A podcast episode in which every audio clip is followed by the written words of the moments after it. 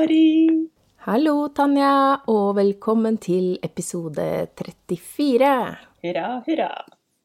I dag eh, skal vi rett og slett eh, ha en eh, liten skravlepod. Mm. I motsetning til alle andre episoder vi har. Ja, vi skravler jo aldri ellers, så det blir Da får vi se hvor, hvordan dette går. Eh, og det er jo rett og slett fordi vi har jo ikke sett hverandre på veldig, veldig lenge. Eller snakka sammen eller spilt inn noe som helst siden i sommer. Ja.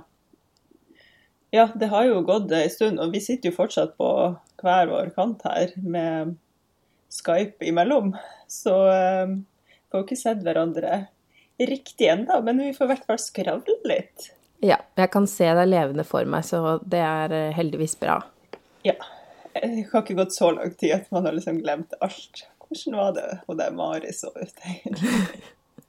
Nei, og fordelen er jo at vi har jo, siden vi egentlig ikke har kjent hverandre så veldig mye i virkeligheten før vi begynte med pod òg, så går jo avstandsforhold ganske greit. Vi er jo vant til det. Vi er jo vant til det. Og jeg syns Instagram eh, er fantastisk i forhold til sånne ting. Jeg føler liksom jeg stadig ser det. Helt enig. Uten at du putler på der borte med ditt, og ja, mm, Ja. koselig. Ja. Men, eh, og det folk kanskje tenker sånn Hæ, det har jo kommet ut episoder siden i sommer, men vi hadde et sånt voldsomt eh, innspillingsbonanza i eh, Som var da siste bonanza-dag i sommer Ja. da vi møttes i Oslo. Og da Siden det så har jo du vært på farta. Ja, herlighet. Det, det var jo grunnen til at vi måtte ha litt sånn bonanza da. Det var jo fordi jeg dro til Bodø og ble der en god, god stund. Eh, for å ta litt ferie, og så jobbe nesten og litt over en måned faktisk med festival. jeg er jo litt sånn rastløs sjel som må gjøre mye forskjellig. Um, og denne festivalen har jeg vært involvert i helt fra start ja, siden det begynte Dette er tredje gang det er festival, da, men vi lager den annethvert år. Så da eh, kjente jeg liksom det, Ja, det, festivalen har en sånn spesielt spesiell plass i hjertet mitt, så jeg måtte bare bli med i år òg. Og det var jo veldig hyggelig. Alltid veldig mye å gjøre når man produserer festival, men jeg får alltid sånn godfølelse når den helga kommer, og det er masse kunst og, som skjer i Bodø by. og da blir jeg glad. Da tenker jeg ja da, det var riktig, riktig valg. Det høres veldig fint ut. Mm. Men du dreiv jo med litt eh, broderi og litt farging og litt forskjellig mens du var der. Ja, det, må jeg jo. Jeg hadde jo blitt gæren hvis ikke. Så jeg hadde en, faktisk så hadde jeg en kundesøm. Så jeg sydde et skjørt til en kunde i Bodø mens jeg var der. Og så ja, kasta jeg meg over litt sånn sommerprosjekt som var broderi. Eh, og jeg hadde en teststrikk gående. Og eh, farging, plantefarging, måtte jeg også tulle litt med. Kose meg litt med. Mm. Det var flere ting Ja, på tapeten. du er vel litt som meg som eh, må ha et eller annet å drive med, liksom ha noe i hendene til enhver tid. Ja, jeg, jeg blir litt sånn Jeg føler ikke at jeg får slappa av hvis jeg bare sitter helt stille. Jeg må liksom ha noe sånn ja, Hjernedødt, sier jeg da, men et eller annet å putle med mellom hendene. Som jeg ikke nødvendigvis trenger å bruke så mye tankekraft på, men som fortsatt, at fortsatt hendene går liksom mens jeg sitter og chiller. Strikking er perfekt til det. Broderi var også veldig bra. Anbefales. Ja, helt Ja. enig. Jeg ble inspirert eh, av eh, dine broderiskills til å starte å brodere noe greier sjøl. Jeg er selvfølgelig ikke ferdig, fordi jeg har hoppa litt rundt i andre ting også, men eh, Ja, For det det er det kommer. ullteppet ditt. det er det Er det det? ullteppet som skal bli Ja. en jakke. Det så så fint ut. Det gleder jeg meg til å se ferdig, altså. Ja, det blir et bra høstprosjekt, sånn apropos liksom tiden vi er inne i nå. Ikke sant? Det, ja, det blir nydelig. Men hva ellers har du eh, Fikk du fullført noen av de der eh, sommerprosjektene vi snakka om før sommeren? Ja, godt spørsmål. Eh, Jeg husker nesten ikke selv hva jeg sa jeg skulle begynne med, men jeg kan jo si at denne drømmesekken min med Ja. alle inndelingene og sånn, har jeg ikke sydd. Men jeg har Men derimot du har laga en sånn prosjektbag, har du ikke det? Som Jo. jeg tenkte sånn Å, dette er en slags variant av dette vi har prata om. Ja, det er en oppvarming, så jeg er Ja. i gang med den tankegangen. Men eh, jeg eh, er jo også ganske aktiv i strikkemiljøet, hvis det, noe, hvis det er noe man kan si at man er aktiv Ja. i. Ja. Eh, men jeg har veldig mange venner som strikker, og da prata vi om Hm, det fins jo faktisk ikke noe symønster på den helt perfekte strikkebagen som ser ut som en kul veske som eh, kan være Ha sånne masse rom og sånn. Nei, det er sant, for man kan jo eh, Det er jo flere som selger det av disse mm. strikke-instagrammerne, har jeg fått med meg. Mm. Men, men et mønster Så det, det klasker du sammen nå, eller? Ja, du, nå er jeg Jeg må jo innrømme at å tegne de illustrasjonene til oppskriftene mine Jeg, jeg tror ikke folk skjønner hvor lang tid det tar. Eh, Men nå er jeg helt på slutten av, av å tegne instruksjonen, så mm, da blir det snart testing. Fantastisk. Så Ja. gøy. Så det er gøy. Og den er jo inspirert av eh, For jeg har jo sett noen sånne veldig kule som jeg har tenkt sånn Å, sånn vil jeg ha, men jeg kan ikke bruke 1000 kroner på det. Mm. Eh, og dessuten så har jeg jo masse stoff. Ja ja, da får jeg vel bare sy en. Det er liksom litt det som er bakgrunnen. Og så har jeg jo selvfølgelig gjort det til mitt eget. Og Ja. fiksa litt på det. Og så blir det sikkert litt sånn tillegg i oppskriften med varianter, eh, regner jeg med. Du, for en fantastisk måte å rekruttere flere inn i sømmen på. Jeg tenker sånn, ja, egentlig så strikker man, men herregud, selvfølgelig har man lyst på en sånn fantastisk prosjektbag. Og det blir liksom sånn inngangen til søm. Det er planen. så planen. begynner det å sy. Veldig bra, bra plan. Det er planen min. Så, så det, der skal jeg prøve å være litt eh, strategisk. Vi, jeg har jo vært ganske åpen på det før, at jeg absolutt ikke er noen eh, businessperson. Jeg kan forstå hva som er lurt å gjøre, men jeg gidder aldri å gjøre det fordi jeg syns det er mye morsommere å gjøre det jeg har lyst til. Ja, ja. Så nå Jeg håper at dette er vis... Det er i hvert fall mange som har sagt at de har lyst til å sy den, og det tenker jeg, om de er strikkere eller ikke, det spiller egentlig ingen rolle, for den er også helt topp til prosjekter, altså syprosjekter, da. Ja. Eh, fordi med alle lommene og sånn, om det er broderi eller om det er bare søm som man må Veldig mange syr jo hjemme på kjøkkenbordet, og da er det jo veldig Ja. fint å kunne bare putte alt ned i den bagen når Ikke man er sant? midt i. Og, og hvis man liksom tar med seg prosjekt til en sykveld som noen har arrangert, eller har med seg syprosjekt til et sykehus eller hva enn, som fraktebag, det er lurt. Ja, jeg eh, tenker det, så det er jeg eh, Jeg har veldig trua på det. Og det er jo et tema jeg har lyst til at vi skal snakke litt om seinere også. Det der å liksom Hvordan gjøre terskelen lav for å kunne bare sette seg ned og sy. Hvordan gjøre på en måte plass til det i livet sitt her og der. Og akkurat eh, det at man bare kan putte ting veldig kjapt sammen og ta det veldig kjapt fram igjen, er jo eh, et steg inn i det, da, tenker jeg. Ja, viktig redskap å liksom senke den terskelen så mye som mulig. Mm. Men nå må jeg bare si, altså, hvis folk hører at det, det høres eh, veldig rart ut på min kant, så sitter jeg jo da i loftsleiligheta mi her, og himmelen har åpna seg, så nå dukker det så hardt på takvinduet og tak at uh, jeg må bare beklage hvis det høres ut som jeg plutselig sitter i en bølge, liksom. Da setter vi den deilige høststemninga. Ja. Og høsten er jo Altså, mange mener jo at høsten er høysesong for håndarbeid. Mm. Jeg føler nesten at det er sommeren, men jeg tror det handler litt om for min del at da er det veldig mye jeg ikke må. Så derfor så får jeg sydd masse på sommeren. Ja, man har mye tid og energi for min del. Altså sånn, jeg har mye overskudd på sommeren til å gjøre ting. Ja. Mens på høsten skal man liksom sitte i sofakroken og kose seg med håndarbeid. Men når jeg først setter meg i den sofakroken, så eh, vil jeg heller bare skru på RuPaul's Drag Race og koble av. Ja.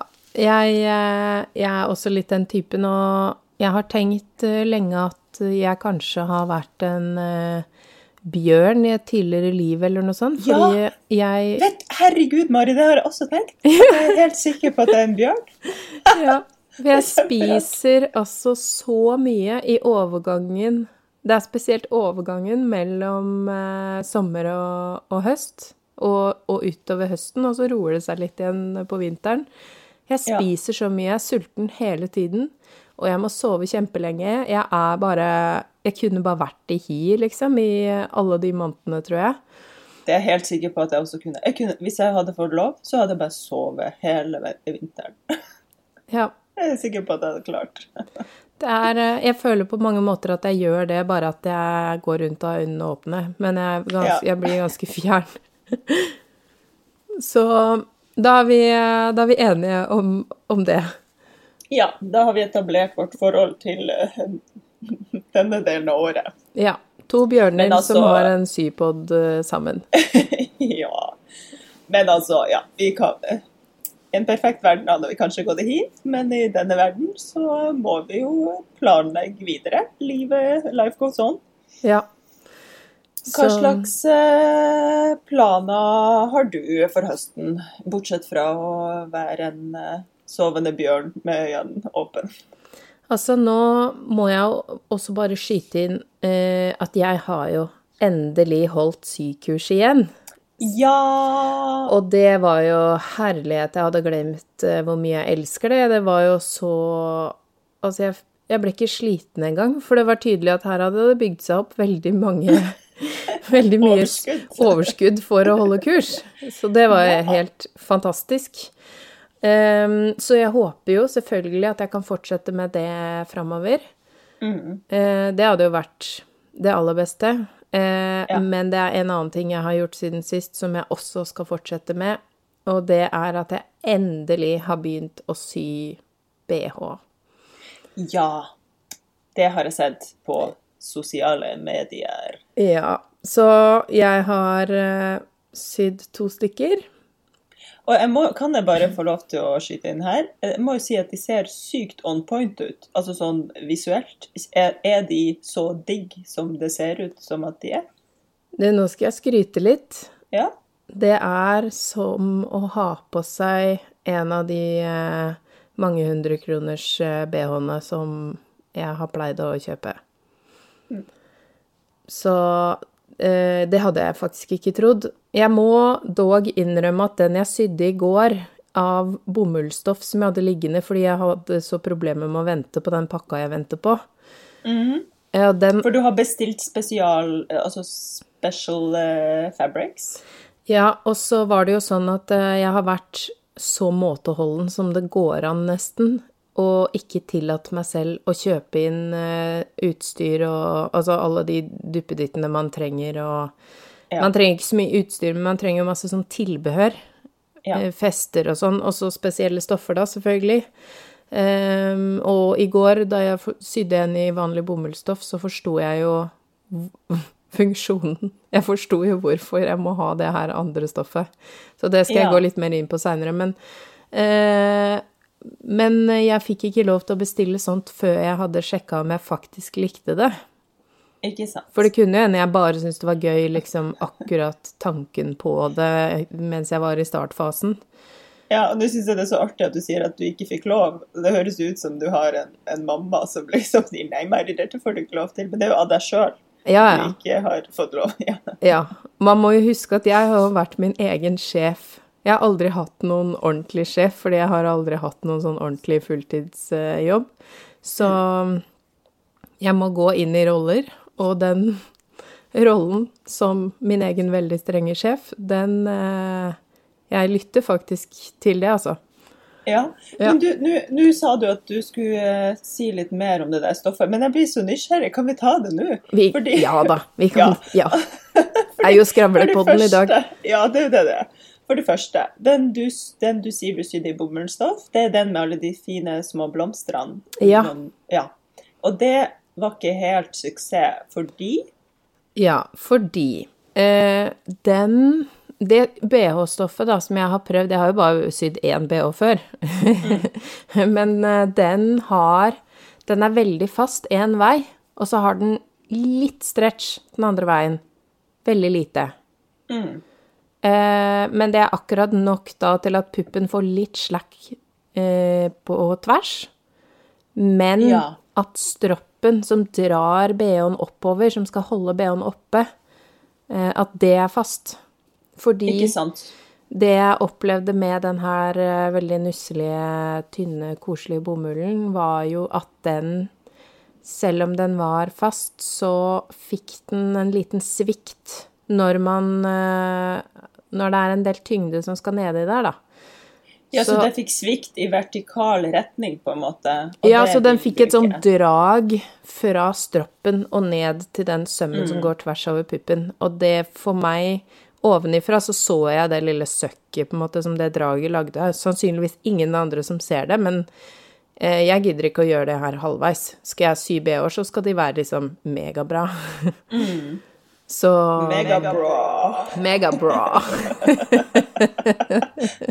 Pling! Ja. Ding, ding. Ja.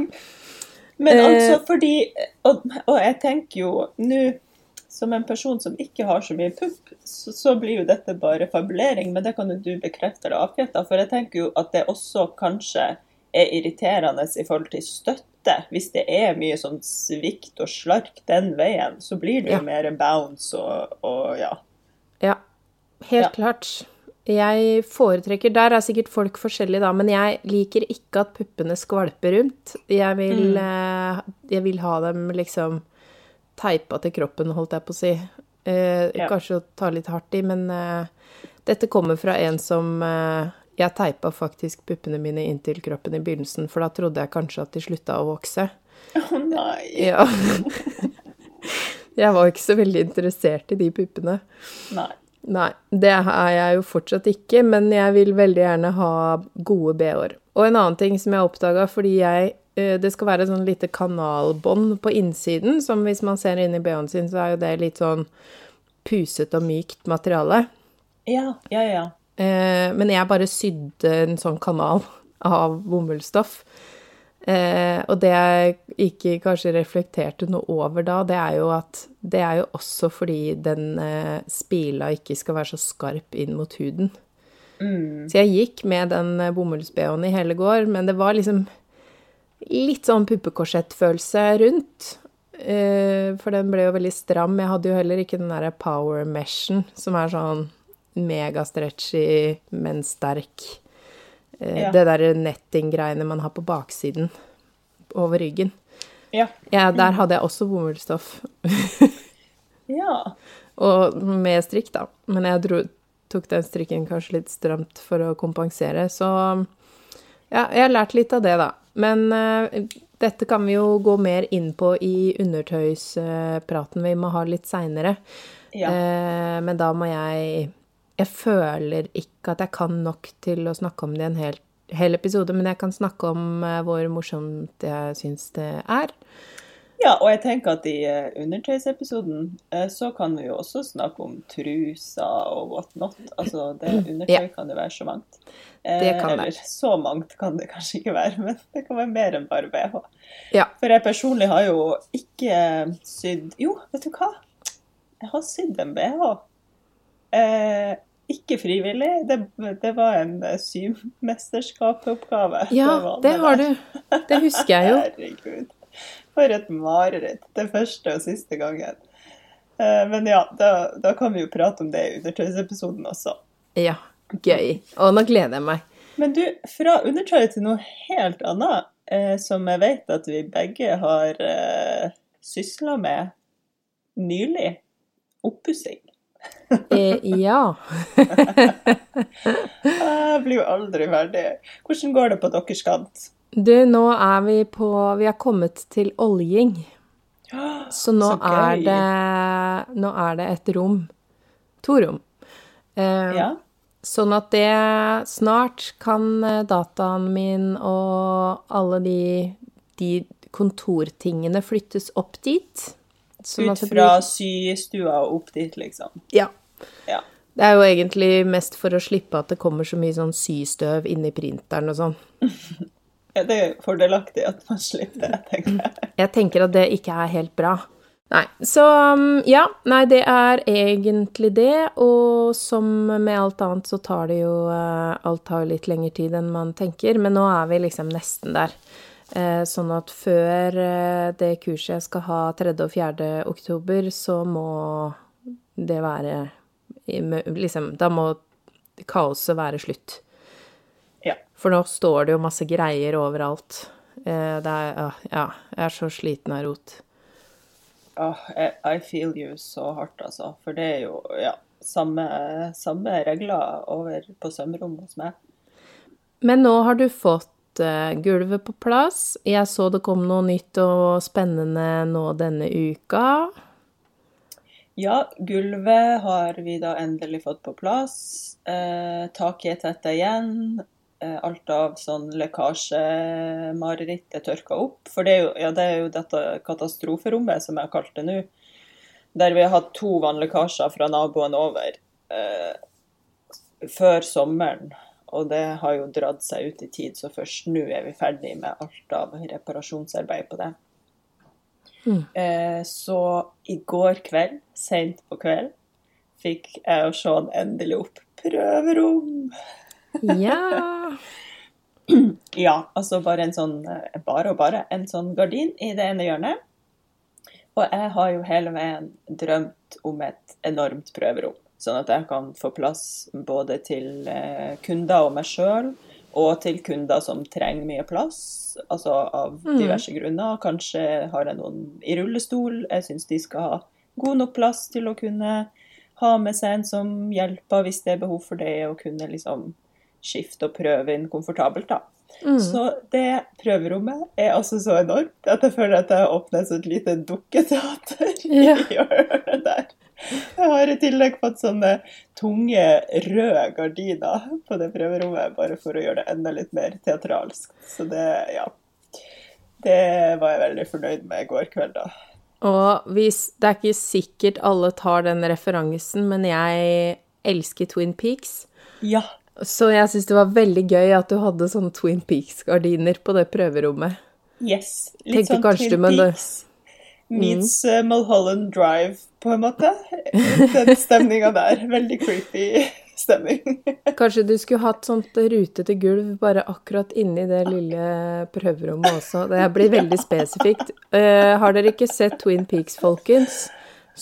Se den. Er, ja. Den er eh, skummel, men absolutt verdt det. Altså, jeg er, jeg er megapingle, uh, men jeg elsker den serien. Ja. Den jeg har en sånn eh, estetikk over seg. Det er liksom mye ah, Det blir jo litt sånn ukas innspo, nesten, det her. Ja, det blir det. Snik, vi tar den midt inni her. Eh, og så Nå er det skravle på den, så da er alt lov. Eh, og når vi først er inne på det Det er en serie som heter Karnival. Har du sett den? Nei, den har jeg ikke sett. Den er altså så creepy på en merkelig måte, men også så inspirerende. Den handler om et uh, sirkus på 30-tallet. Sånn der eh, den gamle typen uh, sirkus. Mm, med folk. Med sånn skjeggedame og, og freakshows og sånn? Ja. ja. og den estetikken elsker jeg. Mm. Det er litt sånn estetikk over det prøverommet litt. Ja, det var, det var, derfor jeg kom inn på det, nemlig. Så, men, eh, men, bare hvis man er en sensitiv sjel, som jo jeg er, så uh, vær obs på akkurat at den er litt sånn ubehagelig, men uh, ja. Absolutt. Jeg hadde mareritt i to uker i begynnelsen mens vi så på det, men jeg syns fortsatt det var verdt det. Bra. Det var ja. ukas lille innspo. litt rar innspo. jeg, jeg, føler det liksom Hva skal man si avspeiler også ganske godt, det, ja. den innspoen der. Man kan jo google bilder fra disse tingene, da, hvis man vil sjekke om, om eh, det er eh, så vakkert eh, som det jeg mener. Yes. Ja. Ok, det var ikke en avsporing jeg hadde planlagt. Sånn er det jo gjerne med avsporinger, så nå må vi prøve å hekte oss tilbake igjen. ja, dra det inn igjen. Um, ja, oppussing går. Og sånn er det jo. Men nå begynner jeg å se lys i enden av denne tunnelen, faktisk. Fordi med det katastroferommet, da har vi jo liksom flytta møbler ut og inn og ut og inn av det rommet så mange ganger. Først med den første lekkasjen, og så med den andre lekkasjen, og så var det det klippebordet, og så Ja, det har altså vært så mye. Mens nå, når eh, prøverommet har kommet på plass, så kjenner jeg sånn Ja, nå tror jeg at jeg forhåpentligvis flytter de møblene tilbake inn der for siste gang, altså. Og at de kan bli. det håper jeg. Ja, det er Det blir fantastisk. Vi, jeg føler det er litt sånn vi hadde det med det loftet også, for vi skulle jo bare pusse opp loftet, og så viste det seg jo at vi måtte bytte hele taket.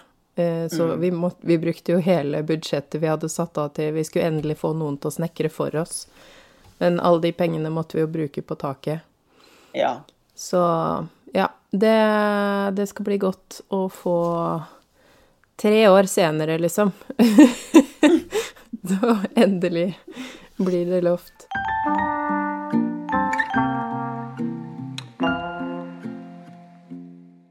Jo, nå er jo høsten eh, i gang, og vi skal jo begynne å planlegge litt sånn podhøsten også.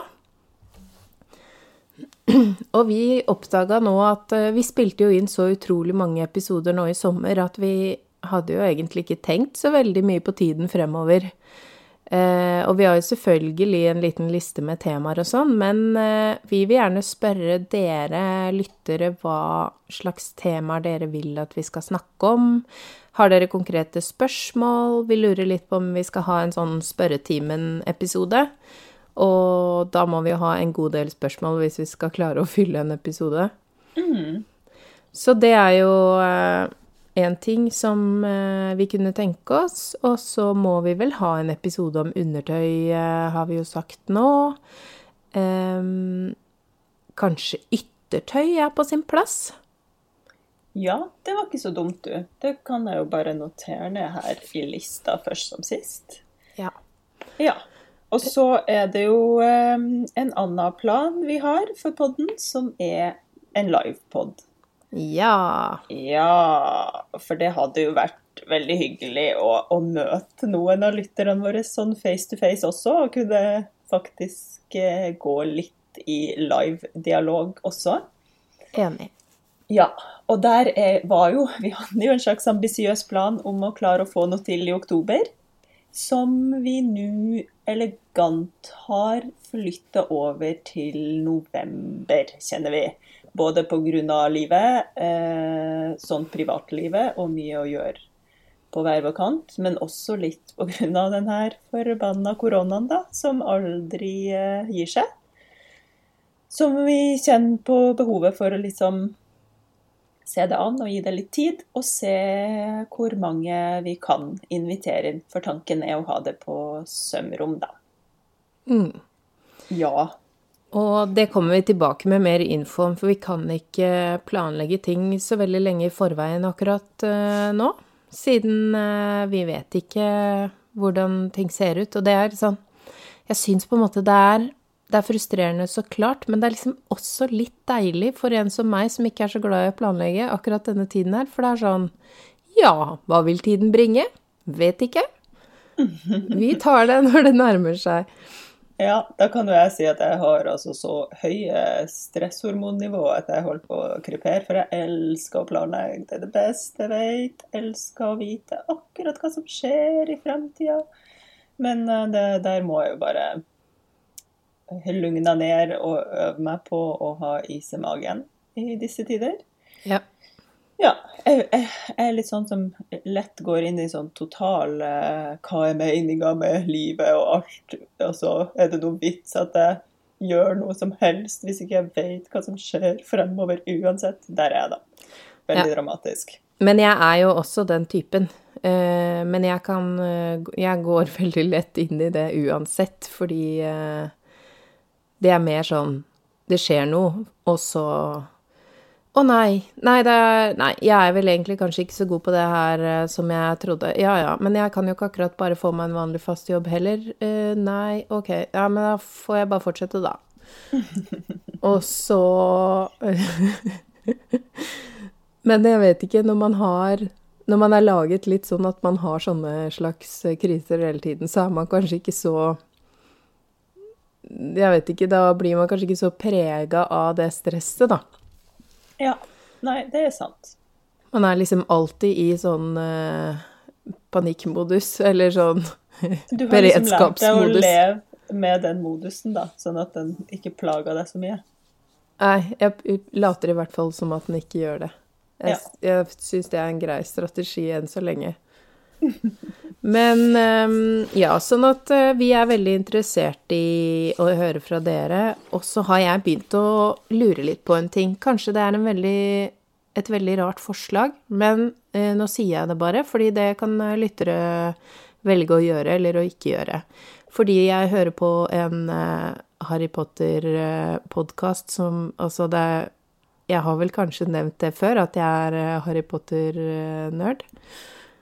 Og Dette var litt nytt for meg, men, Hvis- men det er greit. var har vi ikke snakka om det før? Jeg tror ikke det. Å nei.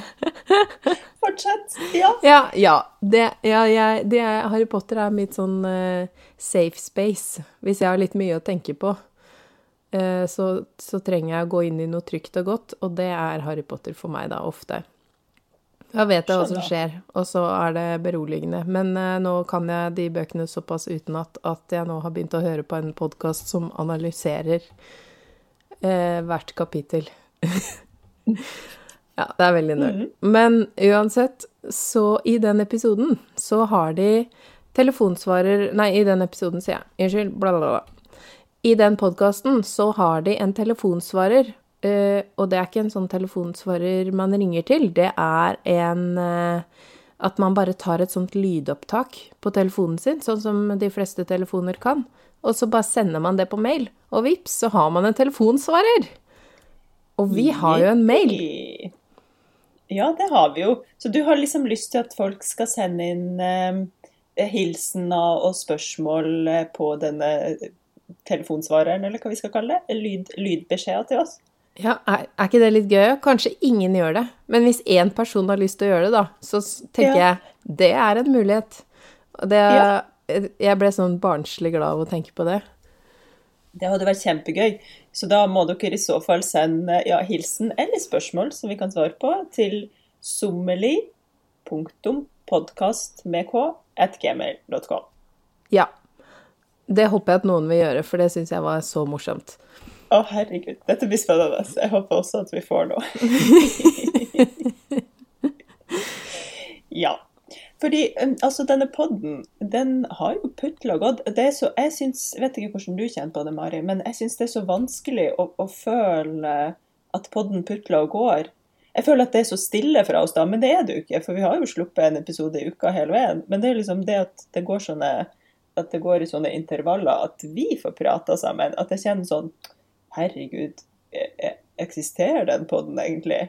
Men derfor syns jeg det er litt hyggelig at nå er jeg liksom tilbake fra Bodø, høsten er i gang, man kommer inn i en sånn jobbtralt. For da føler jeg at jeg får litt mer sånn At vi kan få litt mer kontinuitet med podden, og jobbe litt mer med den. Og ikke minst eh, begynne å eh, kikke oss rundt etter sponsorer, for det har vi jo prata om hele veien og hatt litt sånn blanda forhold til. Men jeg tror jo at vi har innsett nå at skal vi ha overskudd til å Det er jo en del jobb som går inn i det her, så skal vi ha overskudd til å kunne fortsette å lønne oss sjøl og lønne vår kjære eh, lydtrollmann, så må vi begynne å få inn litt midler til podden. Ja, for det er, jo, det er jo det vi begge kjenner på, at vi, siden vi er to idealister som ikke er så veldig opptatt av penger, så blir det veldig lett at vi ikke får noe penger for noen av de tingene vi gjør som er sånn Ja, ja, men det er så gøy. Eh, Ja. Så der har vi begynt å tenke ja, vi må faktisk ha inn eh, noen penger, og da er jo sponsor veldig fint. Eh, og da vil vi jo gjerne også ha innspill på Eh, forhåpentligvis syns dere det er helt greit og forståelig. Eh, men så tenker vi kanskje dere har noen innspill på hvem som kunne vært sponsor, eller kanskje du sitter med en eh, liten virksomhet selv som kunne tenke seg å sponse en episode eller flere? Mm.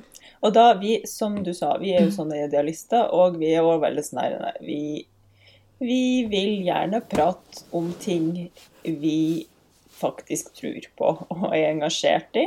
Så jeg tror at vi kan med hånd på hjertet si dette her, at vi kommer ikke til å liksom reklamere for, for det første for ting som ikke er relatert til søm, som dere ikke har noe interesse av å høre om.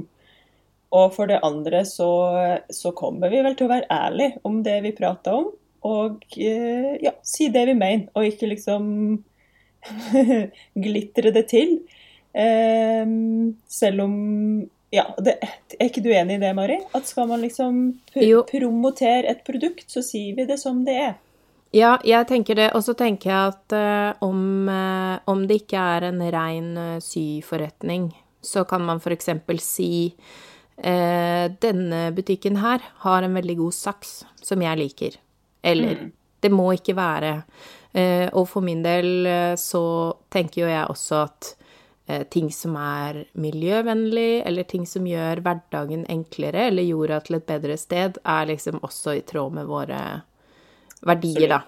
Og, og ja, altså ikke politisk i den forstand at vi skal begynne å reklamere for politiske partier, for det syns jeg blir litt drøyt, men sånn Eh, for eksempel hvis det er eh, et eh, blad som har temaer som vi tror vil interessere lytterne, f.eks., så er det jo sånn Det tenker jeg at det kan være relevant fordi det er så mye som kan, hvor man kan dra det inn i det vi holder på med. Men det viktigste her, som vi prøver å si, er vel at vi kommer ikke til å ta sånn takke automatisk ja til pølsereklamer som bare noen andre putter inn i vår episode. Vi har veldig lyst til at det skal være sånn eh, Denne uka blir vi sponsa av denne her, og vi eh, har sagt ja til det fordi vi liker denne her tingen, eller eh, forteller noe om det fra vårt ståsted. Ikke sånn pling, la-la-la-la-la, uh, lu-lu-lu,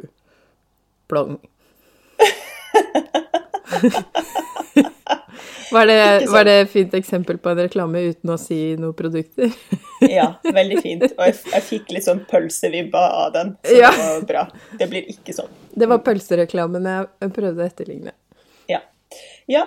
Så, og der òg tror jeg vi begge er enige at vi er jo veldig lydhøre, for, for vi laga jo denne podden først og fremst fordi vi digga å preke om søvn, men mest av alt fordi vi veldig gjerne vil ha godt innhold til dere som hører på.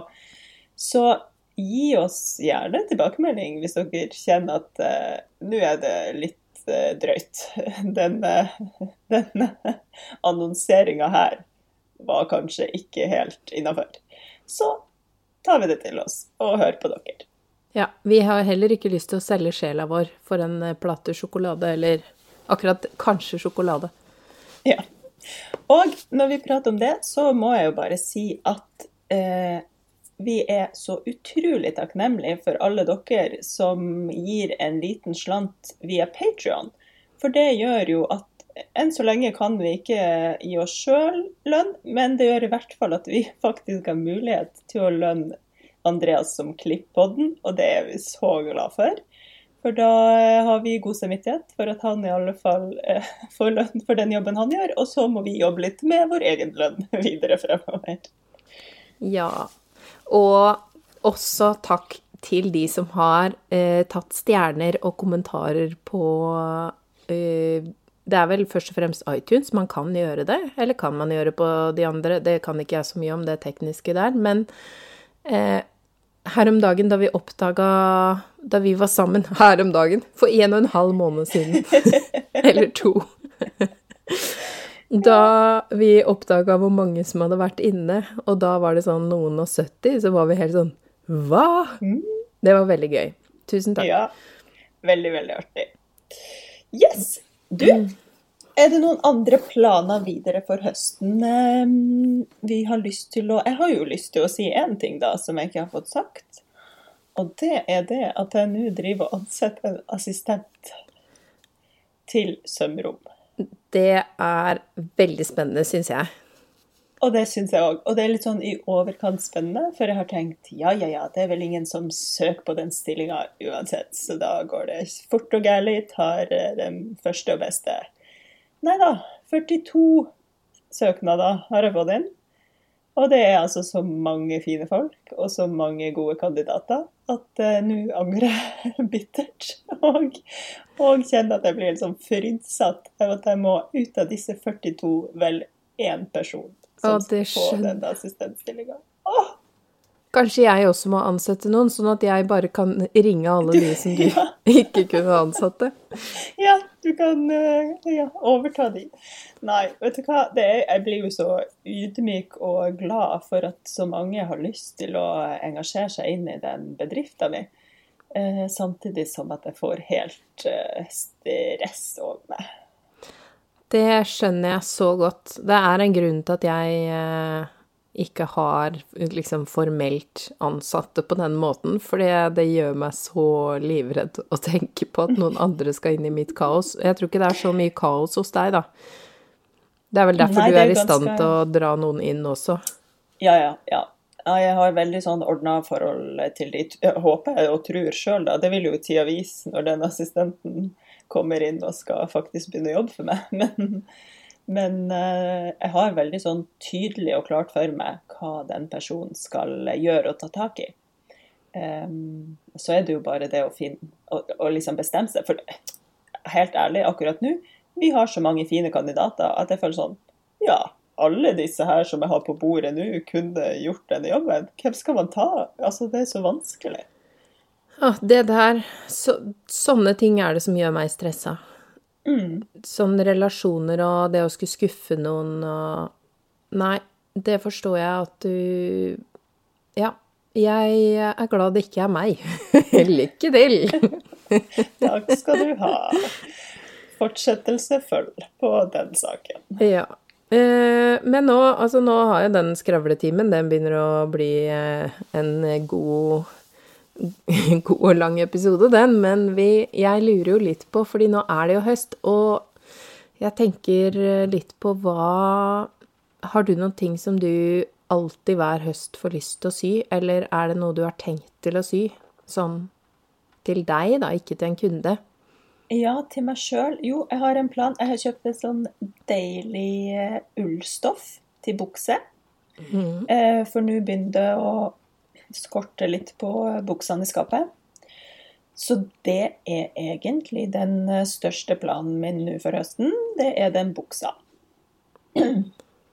Men ellers så får jeg alltid lyst til å, til å sy meg flere pologensere når høsten kommer. Et, et sånn pologenser syns jeg er så greit. Føler meg litt som eh, Hva er det han heter da? Steve Jobs. Eh, Steve Jobs, ja, takk. Ja. Føler meg litt som Steve Jobs, som kvinnelig versjon av Steve Jobs. Når jeg har på meg pologenser og en litt sånn sharp ullbukse. Så det tror jeg blir høstens store prosjekt. Få flere pologensere og en god bukse. Hmm. Så bra. Mm. Og nå vet altså, Jeg vet at mange kanskje har et sånn anstrengt forhold til Steve Jobs og hvordan han, og hvordan han er, men uh, jeg, jeg, prøver liksom å trekke ut kun det positive. og da føler jeg meg bra når jeg har på meg en boliggenser. Det var vel bare den Power Woman-delen av det du var interessert i? Ja, nettopp. At jeg føler meg litt sånn sharp. Ja. Jeg eh, plukka opp det, i hvert fall. Godt. Enn du, da? Hva er, har du har du sånn å, hver høst så syr du noe, eller er det noe spesielt denne høsten her du har lyst til å si? Det er jo eh, Jeg tror Altså hver, hver høst så har jeg jo lyst til å sy en ny kåpe. Eh, jeg gjør det ikke hver høst fordi jeg bruker veldig mye Jeg er sånn Jeg har noen favoritter, da bruker jeg dem til de er ferdig. Mm. Eh, men jeg lurer litt på om jeg skal sy en kåpe som er litt sånn mash-up av mine to kåpemønster. Ja. Eh, med kragen fra martekåpa, men mer sånn den derre eh, litt, litt, sånn skuldrene satt der de skal, og Ja, litt mer mm. Hva skal jeg si? Eh, ja, litt eh, Litt sånn tightere variant, da. Kanskje. Ja. Av de to. Mm. Alternativt Dette er i den fullstendig helt andre retningen. En sånn Hvis man har sett den nye Mary Poppins-filmen, som ikke er så ny lenger, men liksom ikke den gamle, da, så har hun en sånn fin kåpe der som ligner litt på min Ingvild-kåpe, bare at den har sånn kappe over, og så med hette. Ja, sånn trenchcoat-kappe bak, på en måte, er det det? Ja. ja. Eh, men litt sånn Sherlock Holmes-aktig på en måte. Ja. Mm. jeg tenker at jeg gjerne skulle laget en sånn. Og hver høst så tenker jeg veldig mye på ruter ullstoff ja. i store ruter, tenker jeg på hver høst. Og jeg har jo x antall av dem liggende. Eh, så kanskje at det blir eh, rutete bukser. Kanskje ja. rutete overdel. Kanskje begge deler. Det, det vet jeg ikke hvordan om tiden strekker til. Vet, jeg, jeg, det er mange ting jeg vil. Men er, jeg prøver liksom å ha litt disiplin. Og så har jeg kjøpt inn noe kordfløyel og fløyelstoffer som jeg skal kose meg med litt. Ja. Eh, tenkte jeg. Og så klart, altså jeg skal jo inn i BH-ens verden. Eh, så planen min nå er jo å bygge opp en høstgarderobe der jeg liksom går gjennom hele klesskapet. Mm. Fordi det gjør jeg alltid hver eh, årstidsendring. Ja. Og da skal jeg eh, samtidig bytte ut alle BH-ene. Åh, for en fantastisk stor plan. Nå ble jeg inspirert. Jeg pleier jo også å gå gjennom, for jeg har sånn jeg har en, et klesskap i gangen der jeg henger vekk sommerklær når det er vinter, og vinterklær når det er sommer. Så når, når det klesskapsskiftet på en måte skal skje, og jeg skal flytte over klærne fra gangen til soverommet, der jeg har de klærne jeg bruker, da prøver jeg også å ta en sånn gjennomgang. Og i år kjenner jeg at, eh, at eh, som alltid så er jo denne tidsklemma en liten rakker. Så jeg håper jeg får plass og tid og rom til å liksom gå så nøye gjennom som jeg vanligvis pleier å gjøre. For da pleier jeg å krympe klesskapet ganske mye, egentlig hvert år. Mm. Så vi får se hvordan dette blir i år. ja. Jeg har samme ambisjon, eh, men jeg syns det er utrolig vanskelig. Ja. Jeg prøver faktisk nå å luke ut Ikke det at jeg mener at alle må ha alt i skapet sitt hjemmesydd, eller hjemmestrikka eller hjemmelaget. Mm. Men det er et sånt hemmelig mål for meg at uansett hva jeg tar på meg, så er det hjemmesydd eller strikka. Ja, jeg er helt enig. Jeg har òg ja. det målet. Mm. Og jeg sorterer litt etter den malen, at jeg bruker opp alt som er kjøpt. Ja. Og så skal skapet skrumpe seg inn av seg sjøl. Men så har man jo noen favoritter da, som er liksom åh. Ja. Jeg veit. Hos meg er det klær jeg har arva fra farmor og mormor. Altså, de, de er jo ikke hjemmesydd, men de kommer jeg ikke til å kvitte meg med. Nei, men de har en egen plass, og det er, ja. det er helt greit. Man kan ikke være helt kynisk heller. Og Nei. Jeg kjøpte en eh, kjole på bruktbutikken uh, i forrige uke som jeg har tenkt å sy om, og det, da, blir, da, har jeg jo sydd litt allikevel, da, men det er jo sånne ting som jeg egentlig prøver å ikke gjøre. Mm. Ja, nei, nå Jeg har virkelig ikke kjøpt meg nye klær på sikkert i hvert fall fire år, kanskje fem. Um, så, og, men det sier jo litt om hvor enorm den garderoben min var. Altså, det var så mye klær at uh, jeg nesten drukna i det. Men så, så alle de der fire-fem årene, der har jeg liksom sakte, men sikkert Jeg har jo sydd ting, og sakte, men sikkert liksom bytta ut ferdigkjøpte klær med selvsydde klær. Og nå begynner det å nærme seg Ja, for det tar jo litt tid, sånn som du sier, å bruke opp et plagg. Så jeg har jo Og jeg har ikke Hvis jeg ikke har gitt det bort til noen eller til Fretex, så har jeg liksom prøvd å virkelig bruke det så lenge at jeg føler at nå er jeg ferdig med det. Ja. ja. Samme her. Og eh, jeg ser jo på, for jeg går jo på dansing, som jeg har nevnt før, og Jeg ser jo de greiene jeg har på meg på dansinga, det er liksom siste skanse. Ja. Og det er egentlig litt ille at man skal stå, fordi når man danser, så ser man jo veldig mye av seg selv i speilet til enhver tid. Jeg er mer den typen som ser ned i bakken, for jeg blir flau av å se meg sjøl i ansiktet. Men, eh, eh, men da er det jo liksom de tightsene som jeg kjøpte for 15 år siden. og sånn. Men det føler jeg er litt Eller jeg vet ikke, i hvert fall i den profesjonelle danseverdenen så er det litt estetikken. Jeg hadde alltid hull i buksene mine da, da jeg var danser, liksom. Fordi for det første så har man ikke råd til å kjøpe seg så veldig mye nytt som Nei. profesjonell danser. Og for det andre så, ja det litt sånn, det skal, man skal, det skal jo se ut som man har jobba i de klærne man har på seg. Det skal ikke være sånn flunkende nytt. Ja, Og plutselig skal man liksom kaste seg rundt og, på gulvet, og da gidder ikke jeg å ha på meg mine fineste klær, liksom. Nei, jeg er helt enig, og så liker jeg det, Dette høres rart ut, men jeg liker litt også hvordan eh, kroppen disser i et plagg uten noe motstand. Fordi det er liksom sånn Ja, her er vi for å riste løs. Og Enig. det bare La det skje. Men, eh, men alle andre har jo sånn fancy treningstøy, og så har jeg noe sånn nesten gjennomsiktig tights. Som jeg har sydd igjen flere hull og sånn, så må, de, de må faktisk snart gå.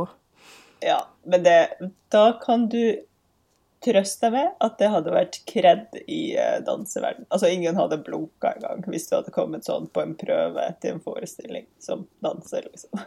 Ja, det, det blir jeg glad av å vite. Da skal jeg tenke kanskje jeg bare se litt pro ut når jeg har litt uh, stygge klær. Yes. Ja, ja, ja. Ja, det var litt på siden. Men ehm, da håper vi jo at vi får eh, litt sånn tilbakemelding fra folk. Eh, vi har vel også en plan om å prøve nå framover, nå som vi skal dedikere oss selv litt mer til podden. Eh, hvis det lar seg gjøre å bruke litt mer tid på podden, så skal vi også være litt mer på på Instagram og, og Patrion og på en måte ha litt mer Ja, litt mer Action. innhold og action. Men, mm. men bare husk på at vi eh, elsker at dere er med oss, så hvis dere ikke hører så mye, så er det rett og slett bare fordi liv og jobb skjer. Liv og jobb skjer. Men Mm. podden kommer ut hver uke. Ja, det er planen. Det er planen. Ja. Ja, men du, skal vi avrunde skravletimen? Ja, det ble nesten en hel time, det. Og uh, vi må jo bare si god planlegging av eh, høstprosjekter der ute. Yes. Og sy pent. Ja. Takk for i dag. Takk for i dag. Tusen takk for at du hørte på Sømmelig podkast. Du finner oss på Instagram. Der heter vi sommelig understrek podkast med k. Og ellers kan du kontakte oss på e-post, og da sender du den til sommelig med k at gmail.com. Tusen takk til Andreas Prestmo i Wilthagen Studios, som klipper og limer og sørger for at vi har god lyd. Og tusen takk til Synnøve Ovrid, som lager den fine musikken vi hører.